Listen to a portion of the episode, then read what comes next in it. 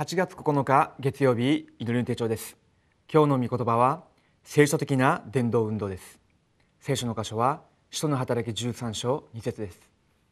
彼らが主を礼拝し断食をしていると精霊がバルナバとサウロを私のために性別して私が召した任務に就かせなさいと言われた。今日本と全世界の教会で最も至急なことが正式な伝道の運動を回復することです。アメリカでもヨーロッパでも教会はどんどん衰退して日本の教会は無気力になって実際に現場の中で起きている精神的な問題霊的な問題に対して何の回答も与えることができないでいます。そういう現場の中で私がどのようにして福音を伝えることができるでしょうか。その一番最初に必要なことが伝道者である私一人一人が契約を握って精霊の満たしを受けることです。精霊の満たしを受けるその時間私たちの考えをはるかに超えて神様が私の生活の現場の中で伝道の門を開いてくださるようになります。今日正式な伝道運動というタイトルを持って祈りの手帳を読んでいきますけれども私の生活の現場に正式な伝道の運動が回復されるようにお祈りしながら読み進めていきたいと思います。では今日の序論です。キリストの中にはすべての答えと最高の幸せがあります。その幸せを味わう道は神様の御言葉を握ることです。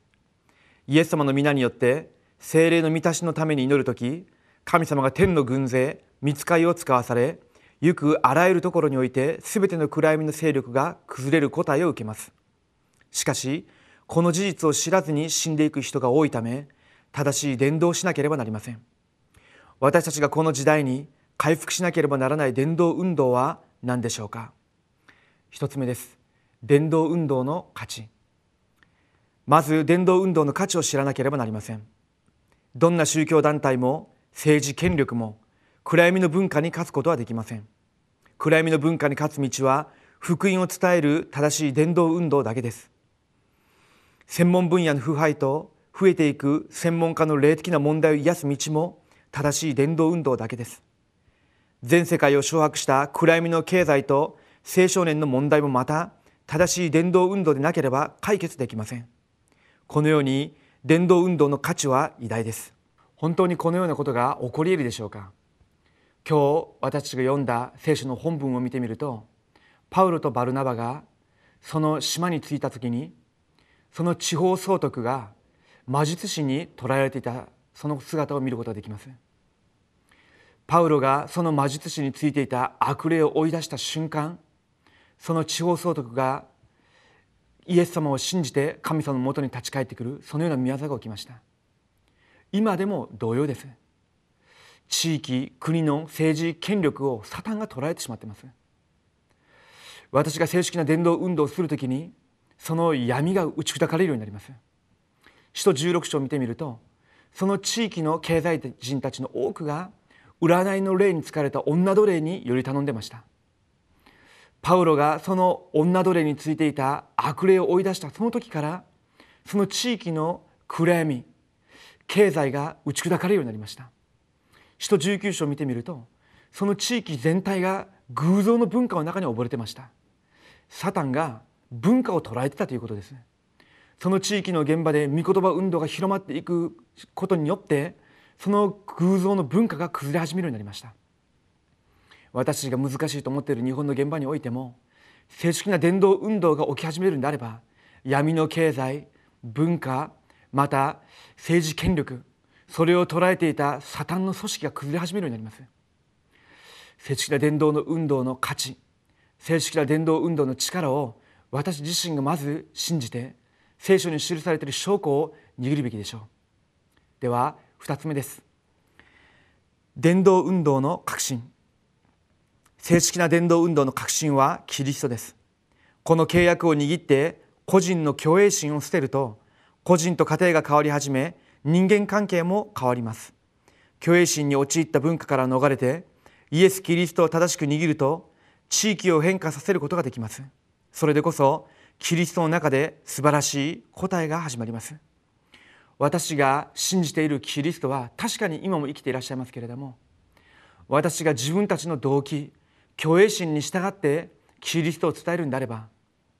本当の意味で精霊の働きが起きることがないでしょう。ですけれども私たちが自分の中にある虚栄心動機全部下ろして現場でキリストを伝えるようになるんであれば神様がその時から宮沢をなされます。3つ目です。伝道運動のための正しい使命。すべての動機を使命に変えなければなりません。別の動機を持っていると絶対に正しい答えを受けることができません。伝道運動の価値とキリストの奥義を知って魂を救う祈りと実践をすると神様がその人に弟子をつけてくださいます。その時からは伝道運動の再生産のためにシステムを立てればよいのです。これがまさに地教会です。この伝道運動のために神様が与えられた使命を動機にするならば大きな答えが与えられます。私も毎日祈っている祈りの課題があります日本に本当に120万要員が建てられようとするんであれば日本の現地に捨てられている1万2,000地域の黄金両場が生かされなければなりません。その黄金両場に本当に正式な伝道運動が起こされるために住職者地教会が建てられるようにと。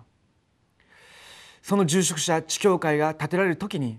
地域地域ごとを捉えてた闇の組織が打ち砕かれるんだと。そういうふうに思いながら祈りを持って巡回しています。私が私の中にある動機不信仰それを全部下ろして祈り始める時に神様が精霊で働かれて天軍天使を私の行く現場日本全地域に派遣し闇が砕かれるようになります。その証拠を持って私が世界福音家の商人として立つべきです。今日も御言葉を握って祈り精霊の満たしを共に味わっていきたいと思います。では今日のフォーラムの主題です。私は伝道運動とどんな関係がありますか？しているふりできているふり持っているふりをしているのではありませんか？今日の伝道今日の祈り今日の御言葉を味わっていますか？そのためにまず今日一日祈りの中で伝道を準備し祈りの中で御言葉を握ってみましょう。お祈りします。生きとられる神様に感謝を捧げます。私のいるこの場所から正式な伝道の運動が回復されるようにしてください。今も私と共にいらっしゃる聖霊様が今日も私の歩みを導いてくださりキリストの契約を握り私のいる現場現場ごとに神の御国が望み精霊の満たしを与えてください。行くところどころに死んでいる魂が侵されていく神様の宮座がなされるようにしてくださり私の動機を捨てて祈りに専念することができるように導いてください。今日も私の生活を通しながら神様が願っていらっしゃる正式な伝道運動がなされることを信じて感謝を捧げます。生きておられるイエス・キリストの皆でお祈りします。アーメン。